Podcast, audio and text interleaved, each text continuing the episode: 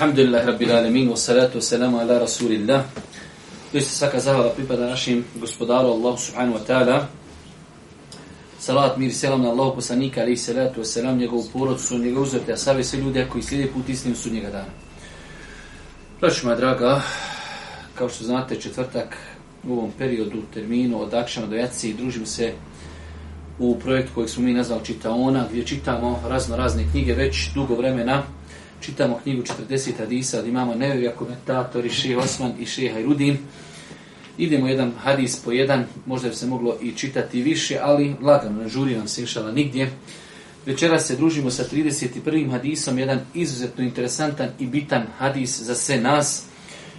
Hadis eh, od eh, Sehla ibn Sada Esa'idija radijallahu ta'ala anhu se prenosi da je rekao, došao je neki čovjek Allahom poslaniku alaihi salatu wasalam i rekao, Allahu poslaniće, ukaži mi na neko djelo koje ako budem radio, zavoljet me Allah i zavoljet će me ljudi.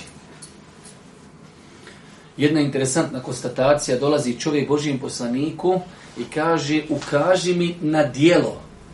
Pa su ashabi znali da se ne može postići ljubav uzvišnog Allaha ili, ili čak i ljubav ljudi osim djelima što je veliki odgovor i što je velika potreba današnjim muslimanima kada ljudi bi da zarade neke velike deređe kod Allaha subhanahu wa ta'ala bez najosnovnijih e, temelja Islama. Alikum Pa ćete vidjeti da ljudi ne klanjaju, ljudi ne poste, najveće temelje Islama ne, ne drže ih se, ali očekuju tamo na ahiretu neki veliki uspjeh.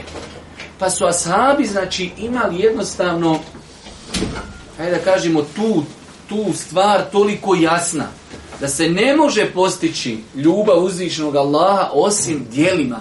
Pa on kaže, Allahu poslanić, ukaži mi na djelo. Ukaži mi na djelo. Ne, može bez djela. A -a. Ukaži mi na djelo koje ako budem činio, volit će me Allah. A volit će me i ljudi. Pa prva korist ovdje je da se dijelima može postići ljubav uzvišnog Allaha. Druga stvar,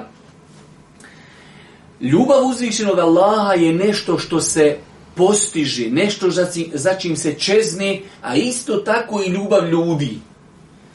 Pa bi čovjek vjernik trebao, ogledajući se ove ashabe, da shvati da je to jedan od najvećih prioriteta u životu. Da čovjek postigne ljubav uzvišenog Allaha. Jer rekli smo dosta puta kroz a ashabi su najbolja generacija i najjednostavnija generacija. U njih nije bilo plavo filozofije, ni u čemu. Čuli smo, pokorajmo se. Poslaniće, kaži mi šta uvodi u džene. To, to, to. Ode i neću odustati od toga. Ovaj Asaf dolazi i kaže, Allahu poslaniće, ukaži mi na dijelo koje ako budem činio, volit će me Allah i volit će me potom, potom i ljudi. Pa smo rekli da su ovo dva velika i plemenita cilja u životu mu'mina, da stremi mu'min i vjernik ka tome, ali da te voli Allah, to je nešto veliko, ogromno. Čovjeka voli gospodar. Ali isto tako, vole me i ljudi. Ja sam o tome otrcu jezik govoreći, kada imamo problem da imamo skupinu naših mladinaca koji se tek ono vrate vjeri, pa u nekoj toj upali svog imana, ono kao, ne interesuje mene šta će ljudi o meni reći. Nije to, vidite ovdje, čovjek dolazi, hoće da ga ljudi voli. Nama je u interesu da te čovjek voli. Ne zato što si ti želja nečije ljubav, jer kad te čovjek zavoli, tek tada može od tebe prihvatiti nešto. Nemoguće, Zapamti danas veliko pravilo, nemoguće da će od tebe čovjek nešto privati. mrzite. Dok ne uđeš u njegovo srce, dok te ne zavoli, tada će od tebe nešto i privatiti. Pa je jedan veliki princip u islamu i jedan veliki cilj da čovjek postigne da ga ljudi voli. Normalno. Nemoguće Ridan nas, kažu Arapi, izreka njihova, ridan nas gajetu najudrak. Zadovoljstvo svih ljudi je nemoguće postići. Ok, ne mogu svi da me voli. Neće me nikad svi voliti. Ali daj da pokušam da me voli 95% ljudi. Pa je znači i ljubav ljudi ispravan cilj u životu. Da stremiš, da kažeš, meni u interesu da me ljudi voli. Nešto si pun egoizma, pa ono nekakav narcisoidan, ono volim ja, mene ljudi voli. Ne zbog toga, zbog islama. Da private od mene sutra savjet, da private od mene kritiku, a to će uraditi kada me voli. Pa znači dolazi čovjek Allahom poslaniku i kaže Allahom poslaniče, ukaži mi na djelo, ako budem to djelo radio, da me zavoli Allah i da me zavoli ljudi. Pa iz toga nije Boži poslanik a čekaj vas, šta ćete ljudi voliti? Ne, dok mu Boži poslanik je to prešutio, znači ispravno postavljeno pitanje. Pa kaže Allah poslanik ali se letu kako su preveli ovi naši prevodioci, sustegni se od dunjalka. Ali ja bi možda malo poboljšao prijevod ili eto sugerisao, budi skroman na dunjaluku. Kada se sustegneš od dunjaluka, nemaš nikad. Ne, biti skroman na dunjalku, zato ovdje došla riječ izhed fit dunja, izhed od zuhd. Zuhd čovjek može biti milionir, ali da je zahid, da je skroman. A može biti najveći vukara, ali da je polijepan za dunjalkom. Pa skromnost na dunjalku se ne objeda da, ne imaš para. Skromnost na dunjalku se objeda da imaš pare, ali da te pare nisu pokvarile. I da ti nisu ušle u srce. Da se od njih možeš lahko rastat da ih dadniš za dobrotvorni svrhe, da dadniš za džamiju, da dadniš vratu muslimanu i tako dalje. Pa je skromnost i ta, ta ajde je nazovemo, tako i oni nekad i nazivaju nekim drugim terminima, ali taj zuh dunjalučki je samo da čovjek ne dopusti da mu dunjalku uđe u srce. U smislu da je spreman zbog tog dunjaluka ostaviti namaz, prevariti, slagati i tako dalje. Ne. Ne mogu ja to dozvoliti dunjaluku. Ali imati dunja, ko što su imali ashabi. Bilo je ashaba koji su bili imućni, imućni. Im Osman ibn Affan radijallahu ta'ala anhu. On je parama kupio džennet. Ko će kupit bunar rumu, kaže Boži poslanik, njemu je džennet. Osman dođe i kupi. Za pare, nije kupio za havu. Ko će oprijemiti vojsku za tebu, njemu je džennet. Osman oprijemi vojsku. Pare ali nisu bile pare Osmanu radijallahu ta'ala u, u, u, srcu, već su dijelio ih je. Abdurrahman ibn Auf navodi o njemu, on je vodio brigu poslije smrti Božih poslanika o njegovim ženama. Materijalno i financirao, kad je on preselio, sjekli su sjekirama zlato i srebro koje je ostalo iza njega. Ali Abdurrahman ibn Auf obećan u džennet. Pa ovdje kaže Allah poslanik, izhed fi dunija, budi skroman na dunjaluku, Nemoj dozvoliti da ti Dunjaluk uđe u srce. Već dunjalk ako dođi i ako ga imaš, nek ti bude u rukama. Znači, budi skroman ili susegni se od dunjalka, Allah će te voliti. Znači, budi skroman jer ljudsko srce ne, ne mogu tu dvije stvari nikak. Da, I Allah i dunjaluk i ahiret. pretjesno je to srce, sve mora u njega stati. A, Ljubav prema Allahu, a u rukama. Pa nastavlja i kaže, a budi ravnodušan prema onome što je u rukama ljudi, voljeći ćete ljudi. Ljudima je paša, najbitnije moj samo od njih iskat. Sve dok nećeš voliti i dok nećeš iz njovi ruku. Kad počneš iskat, x i sakri, vidi tebe, vidiš tim iz bistri kon, op, on ode, ode u drugu ulicu. Da ne bi zaisku. Hoćete ljudi voli, sve nemoj kad ništa iskat. I odmah si dobar onog momenta kad pokušaš na radke, trebalo mi uzajam para, ne da mi da, uzajam. I e, ja rad, šta ću mu reći, kako mu neće dati. Pa je ovo jedna velika formula kako čovjek da postigne ljubav uzvišenog Allaha i kako da postigne ljubav ljudi. Budi skroman na dunjaluku, nemoj dozvoliti da dunjaluk uđe u tvoje srce i Ostavi se onoga što je u rukama ljudi. Nemoj od njih tražiti dunjaluk, pa ćete i ljudi voljeti.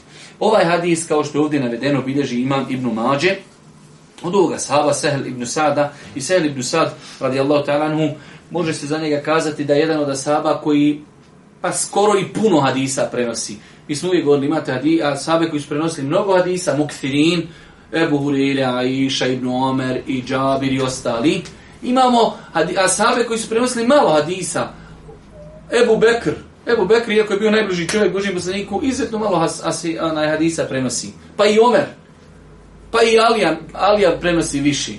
Ali Sehl ibn prenosi, kao što ovdje stoji, 188 hadisa, znači to je već jedan lijep broj hadisa. Ono što je interesantno za njega znati da je živio mnogo dugo da je živio mnogo dugo, po nekima je živio čak stotinu godina i po velikom broju historičara umro je 91. godine u Medini i tu je bio zadnji ashab u Medini. E, ovaj hadis, vjerujem da velik broj vas, e, pošto je to baš poznato, ovaj hadis u, u pogledu ovog hadisa postoji razilaženje da li je vjerodostojan ovaj hadis. Pa imamo znači učenjaka koji su ga smatrali hasen, dobrim, imamo učenjaka koji su ga smatrali i Daif, Imamo učenjaka koji su ga smatrali i, i sahih hadisom, tako da Allah najbolje zna.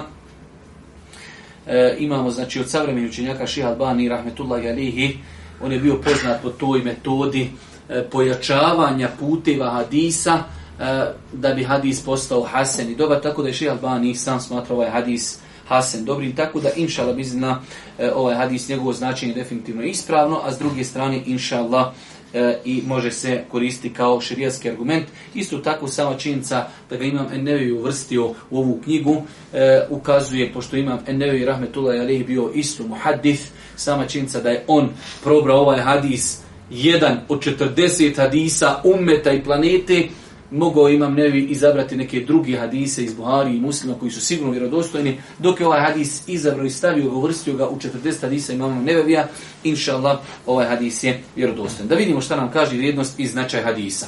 Ebu Davud, rahimehullahu ta'ala, rekao je, temelji suneta u svakoj oblasti su četiri hadisa, pa je spomenuo među njima i ovaj hadis. Znači imam Ebu Daud, rahmetullahi alihi, e, poznati onaj, imam hadisa, spomenuje da je da su temelji hadisa četiri, pa je jedan od ta četiri hadisa i ovaj hadis. Dobro, dalje nam čitaj.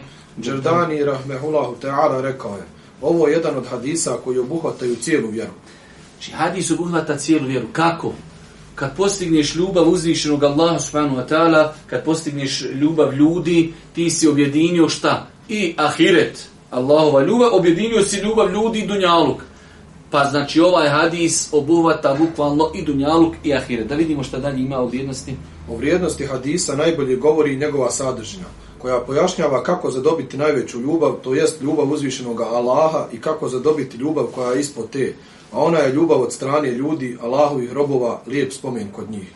Znači, da ovaj hadis nema osim ovaj prvi dio, sam da ima prvi dio, kako zadobiti ljubav uzvišenog Allaha, to je dovoljno da kajemo da je ovaj hadis veliki i ogroman. Ljubav uzvišenog Allaha, stvoritelja zemlje i nebesa, ljubav onoga koji stvorio džennet i džehennem. Pa kada Allah Đelšanu zavoli svoga roba, proizilazi iz toga da će mu se smilovati, da će ga uvesti u džennet. Pa svima nama bi trebalo da bude u interesu da nas uzvišeni Allah subhanahu wa ta'ala zavoli, tako da ovaj hadis ima samo prvi dio, to je mnogo, mnogo korisno, a kamol kad imamo ovaj drugi dio koji ukazuje kako postići, kako postići ljubav ljudi. Tema hadisa. Ovaj hadis govori o skromnosti na Dunjaluku i osnova je kod govora o tome. Kao što je također ovaj hadis osnova u pojašnjenju kada će osoba biti draga Allahu, a zatim i ljudima. Znači, ako neko želi da priča o temi dijela koja vode ka Allahu, Đelešanu, njegove ljubavi, mora ovaj hadis potegnuti. On je znači jedna velika osnova u tom poglavlju. Hoćeš pričati kako te Allah, moraš doći na ovaj hadis. Hoćeš pričati o tome kako da te ljudi voli, moraš doći na ovaj hadis. Dobro, e, idemo na komentar hadisa. Hadis Sehla ibn Saada Sa'idija govori kako da damo prednost ahiretu na dunjalučkim strastima i slastima pojašnjava nam da ćemo se približiti Allahu tako što se nećemo zanimati nečim drugim mimo njega svevišnjeg i da ćemo se približiti ljudima tako što nećemo tražiti od njih ono što imaju od dunjaluka, niti ćemo se s njima u tome natjecati. Ovaj hadis obuhvata dobro dunjaluka i ahireta i njegovim praktikovanjem vjernik postiže sreću na oba svijeta. Ovaj hadis se vrlo lahko primjenjuje u praksi tako što se ne žudi mnogo za dunjalukom jer se ne polažu nade u dug život, već se ovo malo života nastoji provesti u traganju za nagradom uzvišenog Allaha, davanje prednosti ahiretu nad dunjalukom, a to je istinski zuh. Mnogobrojni su šerijatski tekstovi i govori naših prethodnika koji govore o skromnosti spram Dunjalka. Jedan od najljepših definicija Zuhde na dunjaluku se riječi je ibn Ebi Taliba radi Allahu kada kaže Nije zuh da ništa ne posjeduješ od dunjaluka, već je zuh da ništa od dunjaluka tebe ne posjeduje to je znači prva izjava od Alije radijallahu to je ono, onaj kontekst u kojem sam ja govorio. Znači kada vidite e, zuhd i tu skromnost na Dunjaluku, kako su je oni doživljavali, onda ćete vidjeti da oni nisu definisali da je zuhd skromnost bježanje od Dunjaluka. Ne, samo je bitno da taj Dunjaluk tebe ne zauzmi. Šta znači da te ne zauzmi? da ne bude na uštrb vjeri, da ne bude na haram način, da ne bude na uštrb namaza i tako dalje. Ali znači e, to je definitivno potvrđeno praksom ashaba, e, ne znači, znači skromnost na Dunjalku bježati od Dunjalka. Allah Đelšanu propisao insanu na faku, kada dođe samo da insan ne dopusti da mu ona uđe u srce. I u tom kontekstu je ova izjava od Ali radijallahu ta'ala nije zuhd i skromnost na dunjalka da ništa ne posjeduješ od dunjalka, već je zuhd da ništa od dunjalka tebe ne posjedu, Da ne uđe tebi u srce pa ono tobom vlada. Ko što je došlo u vjerodostom hadisu da Boži poslanik kaže Teri se abdu dinar. Propuje rob dinara. Da čovjek stane na nivo da robuje dinaru. I koliko danas imate ljudi koji zaista uzeli su novac i dunjalu kao božanstvo. On je zbog dunjalka spreman sve učiniti. Njemu robuje. Zbog njega voli, zbog njega mrzi, zbog njega vara, zbog njega život daje. Tu je robovanje. Pa da čovjek ne dopusti Dunjaluku da Dunjaluk njega posjeduje. Već da mi posjedujemo Dunjaluk i da ga držimo u svojim rukama, a ne u svome srcu. Druga izjava veoma interesantna. Slično je rekao Ibrahim ibn Edhem rahimehullahu ta'ala. Nije zuh da ti ruke budu prazne od dunjaluka, već je zuh da ti od dunjaluka bude prazno srce. To je to. Znači se čovjek ne vezuje srcem za dunjaluk u kontekstu eh, da dunjaluk ovlada sa njim ali da čovjek ima i da je imućan. Pogledajte kako je fino kada imamo neku negdje akciju, pa vjernik, musliman, bogat, pogura, dadni, knjiga, hađ, džamija, bolnica, siroma, jetim i tako dalje.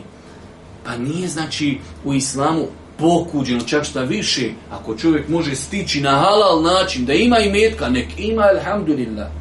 Ali je bitno da taj imetak samo ne bude u njegovom srcu već da znači raspolaže njime svojim rukama. Dobro, poruke hadisa. Hadis nam ukazuje na visoke ambicije ashaba koji su pitali za posebne radnje koji ih uveliko približavaju uzvišenom Allahu. Kao što također težnja ashaba da budu uvoljeni od Allaha i njegovih robova govori o njihovim ambicijama. Znači, pazite, vidite kako ovaj čovjek ambiciozan. Su ovo veliki, e, veliki, ciljevi. Dušu je Božijem poslaniku nije pitao nešto, nešto, hajde da kažemo, e, sitno ne, kako da postignem dva ogromna cilja? Za mene, da Allah oprosti opet ono, ali može li čovjek postaviti sebi veće ciljeve? Kako da me zavoli Allah? Kako da me zavole ljudi? Ako to postignem, voli me moj gospodar, smilovao mi se, oprostio mi, me u džennet, to je ahiret završen. voli me ljudi, živim sretno na Dunjaluku. Ne treba, vjerujte, ne treba čovjeku veći usibet. kada ga mrzi društvu u kojem on živi. Ja znam, Boži poslanik je bio Boži poslanik, pa ga njegovi, e, e, njegovi rođaci neki su prezirali moje problema. Ali mi govorimo ovdje da mi ne budemo taj faktor, da ljudi imaju opravdanje da nas ne voli. To definitivno neko te neće voliti zato što imaš bravadu, zato što si obuku kratke hlače, što ti žena pokrivena, to je definitivno. Ali da čovjek znači generalno bude poštovan u društvu, da ga ljudi voli jer znaju da je pošten, da je pametan i tako dalje. Pa znači ne treba čovjeku veća blagodat da na dunjalku žive, a ljudi ga voli. Isto tako velike musibet kad se moraš sakrivat malo malo kroz vanredne neke ulicić, ide ozvor neko, bježi, sakrivaj se i tako dalje.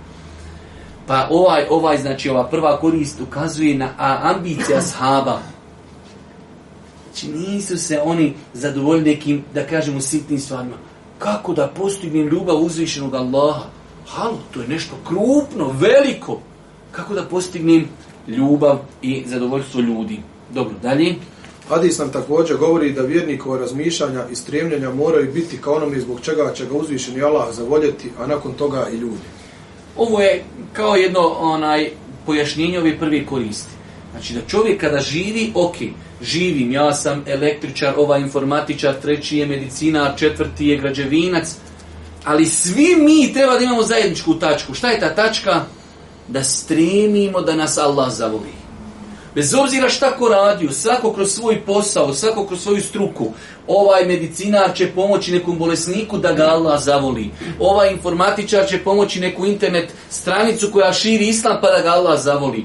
Ovaj zidar će graditi džaniju pa da ga Allah zavoli. Ovaj čovjek će odgojiti dijete pa da ga Allah zavoli. Ali svi imamo zajedničku, bez obzira šta bili i kakvi bili, da imamo zajedničko stremljenje. Šta? kako postići ljubav uzvišenog Allaha subhanahu Pa bi to trebalo da bude stremljenje mu'mina. Kako bi ja mogao naći neko dijelo, Gdje ima neka prilika? I vidite, e, to je zaista nekad nekad e, Allah dadi nekim ljudima da su baš sebatin. Jednostavno da su brzi u hajru. Dok vidi neki hajr, odmah završaju. Ja sam nedavno, možda je neko i pratio, imali smo jednu akciju pa nam je nešto malo zapalo nekog novca, pa sam poslao poruku, rekao, ko je spreman, dvojica nam donatora treba po 500 eura. 500 eura, Boga mi nije lako danas dati. Znači, u istom momentu, dok sam kliknuo, poruka ošla, odmah poziv. Završeno jedan. Zove drugi. Dok sam ja sa njim malo razgovarao, treći kaže, poslao poruku, ne mogu da vas dobijem, šta je ovo, ja želim da učestvuje Neko, gotovo, završeno. Žao mi je rekao. Dok sam ja ovaj drugi razgovor, ova, to je kratko, on je da ga Allah nagradi ili ona je da je Allah nagradi, napisala SMS, ja to dajem. Rekao, gotovo, završeno. Pa znači, daj, vidio sam negdje mogućnost, idem. Ne zna čovjek dok će živjeti. Ne zna čovjek gdje i na koji način će zaraditi i zaslušiti Allahu milost. Vidio ste onu ženu eh, u Hadisu koji je spomenuo Boži poslanik. Psa napojila. Ode zbog toga oprošteni grijesi. Ne zna insan. Zato je došlo u vjerodostojnom Hadisu džennet je nekom od vas bliži od pertni njegovi na, na, na, na, nulama. Toliko je, ali i vatra isto tako. Ne znaš gdje možeš zaglavit u vatru. Ne znaš gdje nekog možeš ucvilit, pa da čovjek ustane u zadnjoj trećini noći da dovi protiv tebe. Paša, sve naopako ide u životu. Pa insan znači treba da ima to stremljenje, da stremi ka tome kako, kako, kako da ja, da to postignem. Bez obzira u kakvoj sam struci, svako može svoju struku počiniti da ide u pravcu zadovoljstva uzvišnog Allaha subhanahu wa ta'ala. Dalje. Nije cilj da ti voliš Allaha jer to svi tvrde. Cilj je da Allah tebe voli jer je takvih veoma malo. Jasno ko dan. Mi svi kažemo mi, e, onaj kako se zove, kako kaže, nije cilj da ti voliš, da ti voliš Allah. Svi mi kažemo volimo gospodara, ali daj da vidimo kako postići da nas Allah zavoli, jer mi smo potrebni njega, mi smo potrebni njegove ljubavi. Dalje. Riječ ashaba, ukaži mi na neko djelo koje ako budem radio, zavoljet će me Allah jasno govore da se Allahova ljubav postiže djelima, a ne kako pojedini tvrde da se to postiže srcem, pa makar se i djela razlikovala od onoga što se priziva u srcu. To je, braćo moja draga, jedan veliki problem u umetu danas, konkretno kod nas ovdje, e, to treba liječiti, to treba ukazivati na tu stvar, ja sam baš danas imao priliku, sjedio sam s nekim profesorom koji su došli iz Saudijske Arabije na prijemni ispit za studente, sad da vas ne tušim time, pa me pitaju kako je bilo, kaže, stanje ovdje prije rata. Pa im ja govorim kako, kako je Allah Đelšanu dao da, da ljubav prema nekim ibadetima ostane jaka u srcima ljudi. Kod nas kurban, kurban znači, to je tako jednostavno ljudi voli kurban. To je, pa kurban je ibadet, hvala Allahu Đelešanu. Ali kod nas i onaj možda najsiromašniji on se trudi da zakolje kurban. Ali s druge strane, pogledajte, vidjeli ste kad je Ramazan, čovjek posti ne klanja. Nelogično. Nelo, na teraviju dolazi svaku noć, ne klanja podne, ne klanja kindiju. Poslani kaže, ko ne klanja kindiju, propala smo sva djela. Ali on na teraviju, kapica, tespi, prvi. Pa insan treba u životu da pazi na redoslijed e, e, obaveza, na redoslijed obaveza. Znači, mi imamo jedan problem da ljudi e, jednostavno, e, to je nastalo vremenom, to ne može nastati preko noći. Da su ljudi došli u ubjeđenje, dovoljno mi je ja Mujo, ja Mohamed, ja Hasan, ja Alija, ja Osman i to je to. Nema odjela skoro ništa, eto taj kurban, možda taj Ramazan, Bajram i Elhamdulillah. A sve to kad pogledaš, nijedna od tih stvari nije, nije znači ono na nivou namaza, niti zekijata, niti posta, niti hađa. Pa insan treba da zna, ako stremimo ka ljubavi uzvišnog Allaha, ona je neminovno da se postiže dijelima. Kojim dijelima? Prvo moramo početi od najbitnijih stvari, nakon toga znači e, da čovjek čini i dobrovoljne stvari. Dalje. U hadisu je potvrda osobine ljubavi uzvišenom Allahu. Allahova ljubav je istinska s tim da ne sliči ljubav njegovih stvorenja. Hadis je odgovor onima koji negiraju osobinu ljubavi. Praću me draga, znači mi, hvala Bogu, Allah nas je počastio, da e, pitanjima akide pristupamo onako kako su pristupale prve generacije. Mi smo, li prošli put ovdje govorili o tome kada dođe e, jasan tekst, kuranski ajet, hadis Božih poslanika, da Allah, e, Allah Žalšanu ima ruku. Nema tu plaho filozofije. Sad mi pametniji od ashaba. Allah poslanik kaže, Allah Želšanu ima ruku i sad Sabi nikad niko nije od ashaba rekao, a kakva je ta ruka? Kako to da ima ruku? Pa smijemo li mi reći da Allah ima ruku, da ga ne bi uporedili sa nekim njegovim stvorenjem? To je šta? Filozofija grčko-rimsko-perzijska, Allah najbolji zna. A sabi ima ruku, ima ruku, završi. Silazi u zadnjoj trećini, noći uzviše Allah na odunačnju, silazi, amin, ja rab se, završena stvar. Isto ovdje, uzvišeni Allah voli. A šta ta ljubav, to znači da je Allah isto stvar. Završena, poslanik rekao, završena stvar. Ukoliko kuranski ajeta inna Allahe Juhibbu, Allah voli koga? Pokajnike.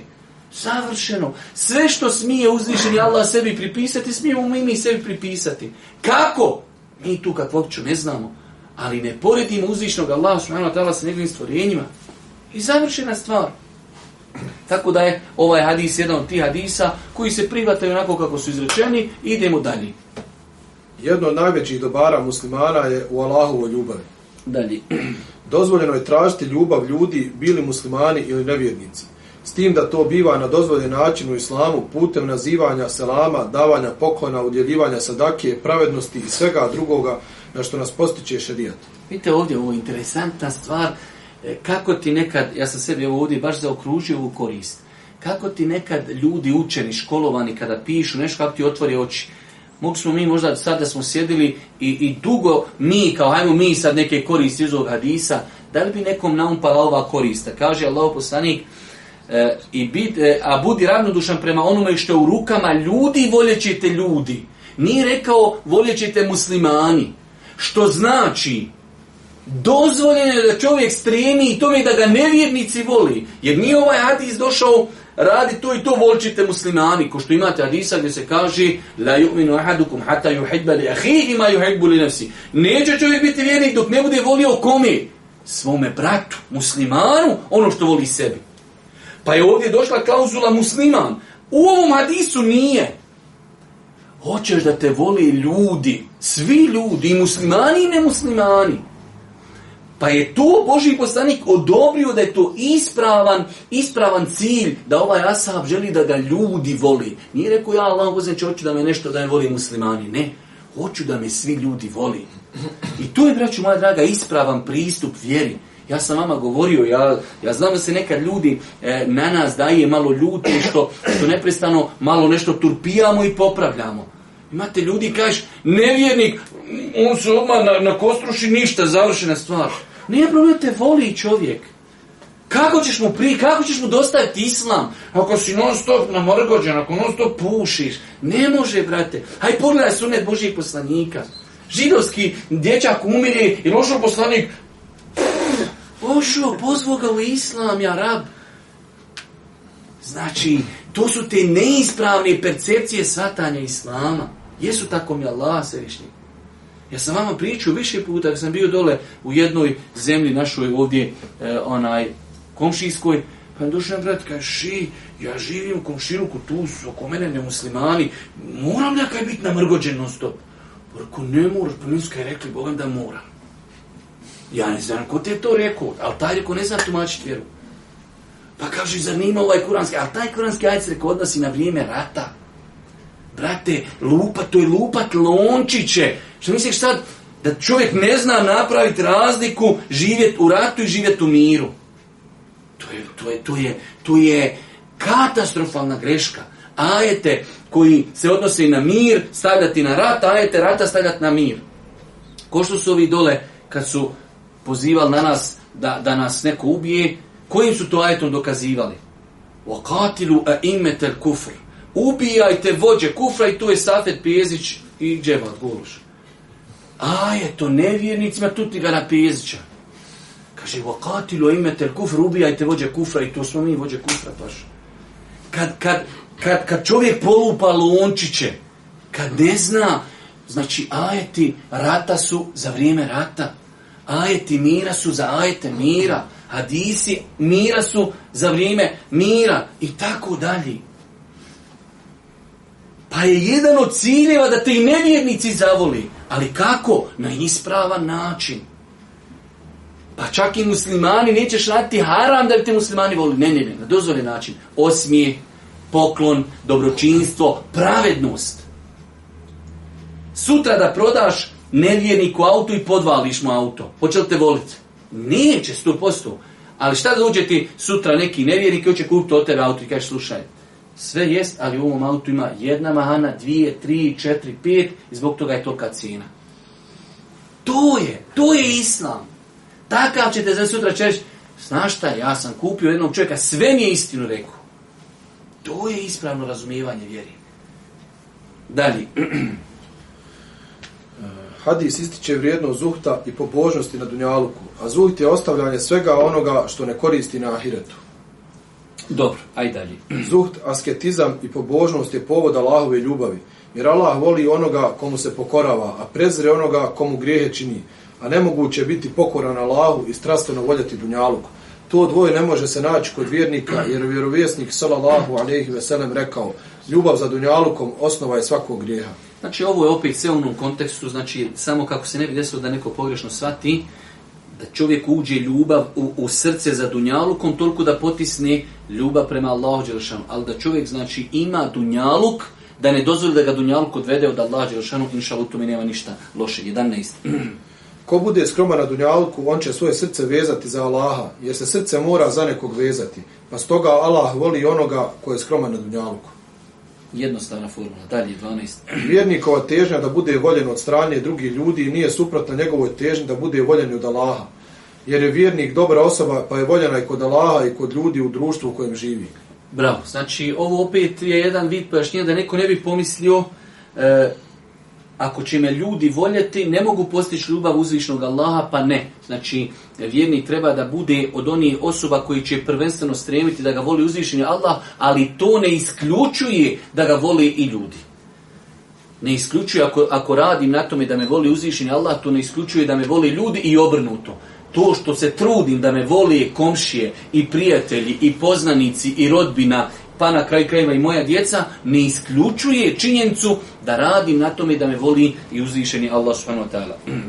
Tekst hadisa postiče na zuhd, to jest asketizam, po pitanju onoga što se nalazi u posjedu ljudi, jer je to razlog ljubavi ljudi prema osobi koja ne teži prema onome što se nalazi kod njih. Znači hadis postiče, mi smo o tome govorili, hadis jasno daje do znanja e, e, kako, kako ferceraju ljudi i živi. Ljudi su takvi, svako jednostavno, ljudi idu za dunjalukom, uznaje se, napate se i ne vole ljudi da mu neko dolaži tražiti nešto dunjaluka. Pa nam ovaj hadis jasno je dao formulu kako ćeš doći do ljudskih srca. Nemoj im tražiti ono što voli. Nemoj im tražiti ono što su se napatili u pogledu toga. Jednostavno, dunjaluk velikoj većini ljudi ne dolazi lako. Čovjek se mora potruditi i onda kad se on potrudi dođe neko i kaže daj pa hoće da te taj čovjek zavoli samo što neovisni da si od njega. Nemoj mu nikada davati do znanja da nešto ćeš trebati od njega i on će, on će te voliti. Je li on osjeti da ti da bi nešto htjeo od njegovog dunjaluka, to će već biti druga priča. Dalje. Neovisnost od onoga što posjeduju ljudi, jedan je od povoda ljubavi ljudi, što govori o njenoj vrijednosti. Neovisnost od onoga što posjeduju ljudi. Vjerujte, braću moja draga, jedna veoma bitna stvar, da se čovjek trudi u životu da bude neovisan. Onog momenta kada si neovisan, ti ideš uzdignute glavi. Dok kad je čovjek ovisan o i bez obzira ko to bio, ti si uvijek u datom momentu u nekom inferiornom položaju, ovisan sam šta će on kazat, da li će mi, da li neće. Zato je došlo u hadisu Božijeg poslanika, gornja ruka je bolja od onje donje. Kaže, jer čovjek kaže kada zaišće ili će mu dat ili će ga odbit. A vid je to poniženja. Zato ćete vidjeti i neki dan sam ja to i objavio kad sam radio tamo na ovoj zbirci Nesajnu i Hadisa, pa jedno izuzetno lijepo poglavlje na kraju zbirke od čega se sve utjecao Boži poslanik. Pa sam navio ja 60 stvari, pa sam i objavio sam e, na profilu, između ostalog, utjecu se Boži poslanik od toga da bude ovisan od ljudima. Utjecu se od toga da ljudi na njega vrše pritisak. Dužan si pa čovjek, kad ćeš vratit? Što nisi vratio? To je taj znači pritisak ljudi, ovisnost od ljudima. Allahov poslanik se utjecu od toga da bude ovisan od ljudima. Pa insan u životu treba strijemiti u datom momentu ako treba i godinu, dvije, tri, četiri, pet i da zapni i da radi, ali da ima svoju samostalnost, neovisnost, Pogotovo kad je u pitanju prakticiranje vjeri. Ja znam koliko, vi znate da nas dosta ljudi kontaktiraju. Koliko je problema kad čovjek živi sa svojima, ovisan je o njima. On praktikuje vjeru, oni ne praktikuju. Svadba, znate koliko puta. Babo kaj, bit će muzika. Babo, haram, bit će muzika. Bit će muzika. Završeno. Paša da ti imaš svoju kuću, svoj posao, bit će muzika. Babo, neće biti muzika. Biće muzika, neće biti muzika. Završena stvar. Ali, kad valjaš kod njega, jest, on ti kupio patike, kupio ti cipele, on će ti svadbu finansirat i ti kaj, neće biti muzika. Biće. I to po mom izboru. I on drugih stvari. Babo ne ulaze meleci u kuću gdje ima Tito. Kad imadeš svoju, meči koga hoćeš. U moju evaku trogutaš i ideš dalje. I kamion drugih stvari. Znači, neovisnost. Moja kuća, moj rahat. To ne isključuje dobročinstvo roditeljima, pažnja roditelja, pažnja komši, ali neovisnost. Moja kuća, moja oaza, ja tu živim islam kakav ja hoću. Pa neovisnost, braćo moja draga, je jedan veoma bitan faktor u životu koji čovjek treba da postavi sebi jedan kao životni cilj. Želim da budem neovisan. Ok, pretrpit se dvije, tri godine, zapijeću, radit ću, ali želim da budem neovisan. Hoću da mogu odgajati svoju djecu kako hoću. Ja znam, znate koliko imate problema?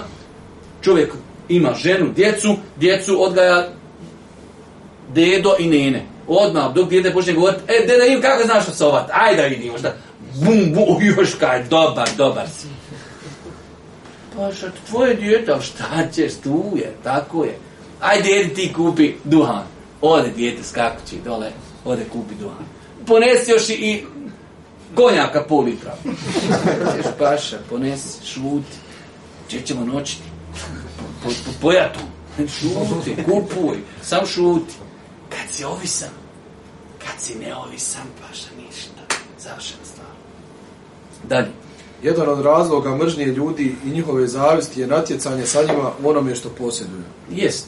Natjecanje s njima, odnosno traženje od njih, bolje reći traženje, jer natjecanje, hm, nije problemačno. Ti se natječeš, ok, ali je problem od njih tražiti nešto to može biti razlogom mržnji, definitivno.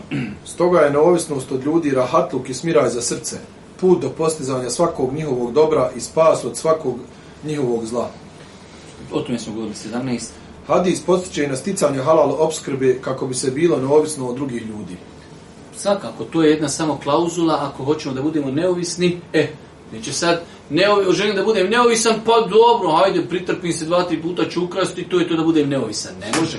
Znači želim da budem neovisan, ali na halal dopušten način. Pa neovisnost na halal način. 18. Hadis nam govori o stvarnosti većine ljudi, a ona je da oni strastveno vole ono što se nalazi od imetka u njihovim rukama i preziru onoga koji im traži nešto od njihovog imetka. To je jednostavno Allah poslanik ali se radu koji ne govori po hiru svome, dao je diagnozu. Imate tu možda izuzetak neki ljudi koji možda kad mu i nešto zatražiš nećete zbog toga mrziti. Ali dijagnoza da generalno ljudi, i na to se odnosi riječ Božeg poslanika, da generalno ljudi vole nemoj iskat ništa. Dobar si, si. Kad počneš iskat, već si problematičan. Tako da je to generalna dijagnoza za ljude. 19. Hadis nas postiče i na požrtvovanost i zalaganje u dijelima ahireta. Definitivno. Znači da čovjek zalaže se kako da postignem ljubav uzvišnog Allah subhanahu To je e, najveće dobro djelo koje čovjek može da postigne, pa nas hadis postiče na to. Ovaj hadis je jedan od jezgroviti vjerovjesnikovi salallahu alihi veselam hadisa. Definitivno, mi smo i rekli da će imam e, e Nevevi Rahmetullah on je to sebi zadao za cilj, da u ovoj knjizi pokušava neprestano da e, objedini je jezgrovite hadise Božih poslanika, ali se nam koji imaju toliko mnogo značenja Vi ste vidjeli da smo imali do sad i ovo sljedeći hadis će nam biti samo dvije riječi, a imate u Lemiji koja piše tomove komentarišući samo dvije, tri riječi koje rekli Allah poslanik. Pa mu uzvišen Allah subhanahu kao što je došlo u vjerodostom hadisu, e, e, dao mu je od odlika i to da je Allah poslanik ali se ratu nam imao jezgrovitost govora. Znači kaže, kaže dvije, tri riječi te riječi imaju toliko široko značenje, pa i ovaj hadis jedan od njih, da je Allah poslanik ovom čovjeku kada je tražio, zamislite sada da nama neko dođe i kaže poslije u isto pitanje, a da mi ovaj hadis ne znamo. Kaže, daj šta da ja radim, pa da me voli Allah, voli me ljudi. Pričao mu tri sati, kaže, znaš šta je, to je nešto, pa dođi opet sutra nešto kazati. A Boži poslanik to sve u dvije riječi završio pa je znači uzvišen Allah subhanahu wa ta'ala odlikovao Božih ali se letu se nam što mu je dao jezgrovitost u govoru da je njegov govor znači bio kratak a da je nosio mnogo mnogo značenja molim uzvišenog Allah subhanahu wa ta'ala da ono što smo čuli bude korisno za nas molim subhanahu wa ta'ala da nas učine od ljudi koji će stremiti ka ljubavi uzvišenog Allah subhanahu wa ta'ala i koji će biti neovisni od ljudi i na kraju subhanike Allahumma bihamdike ešhedu en la ilaha wa etubu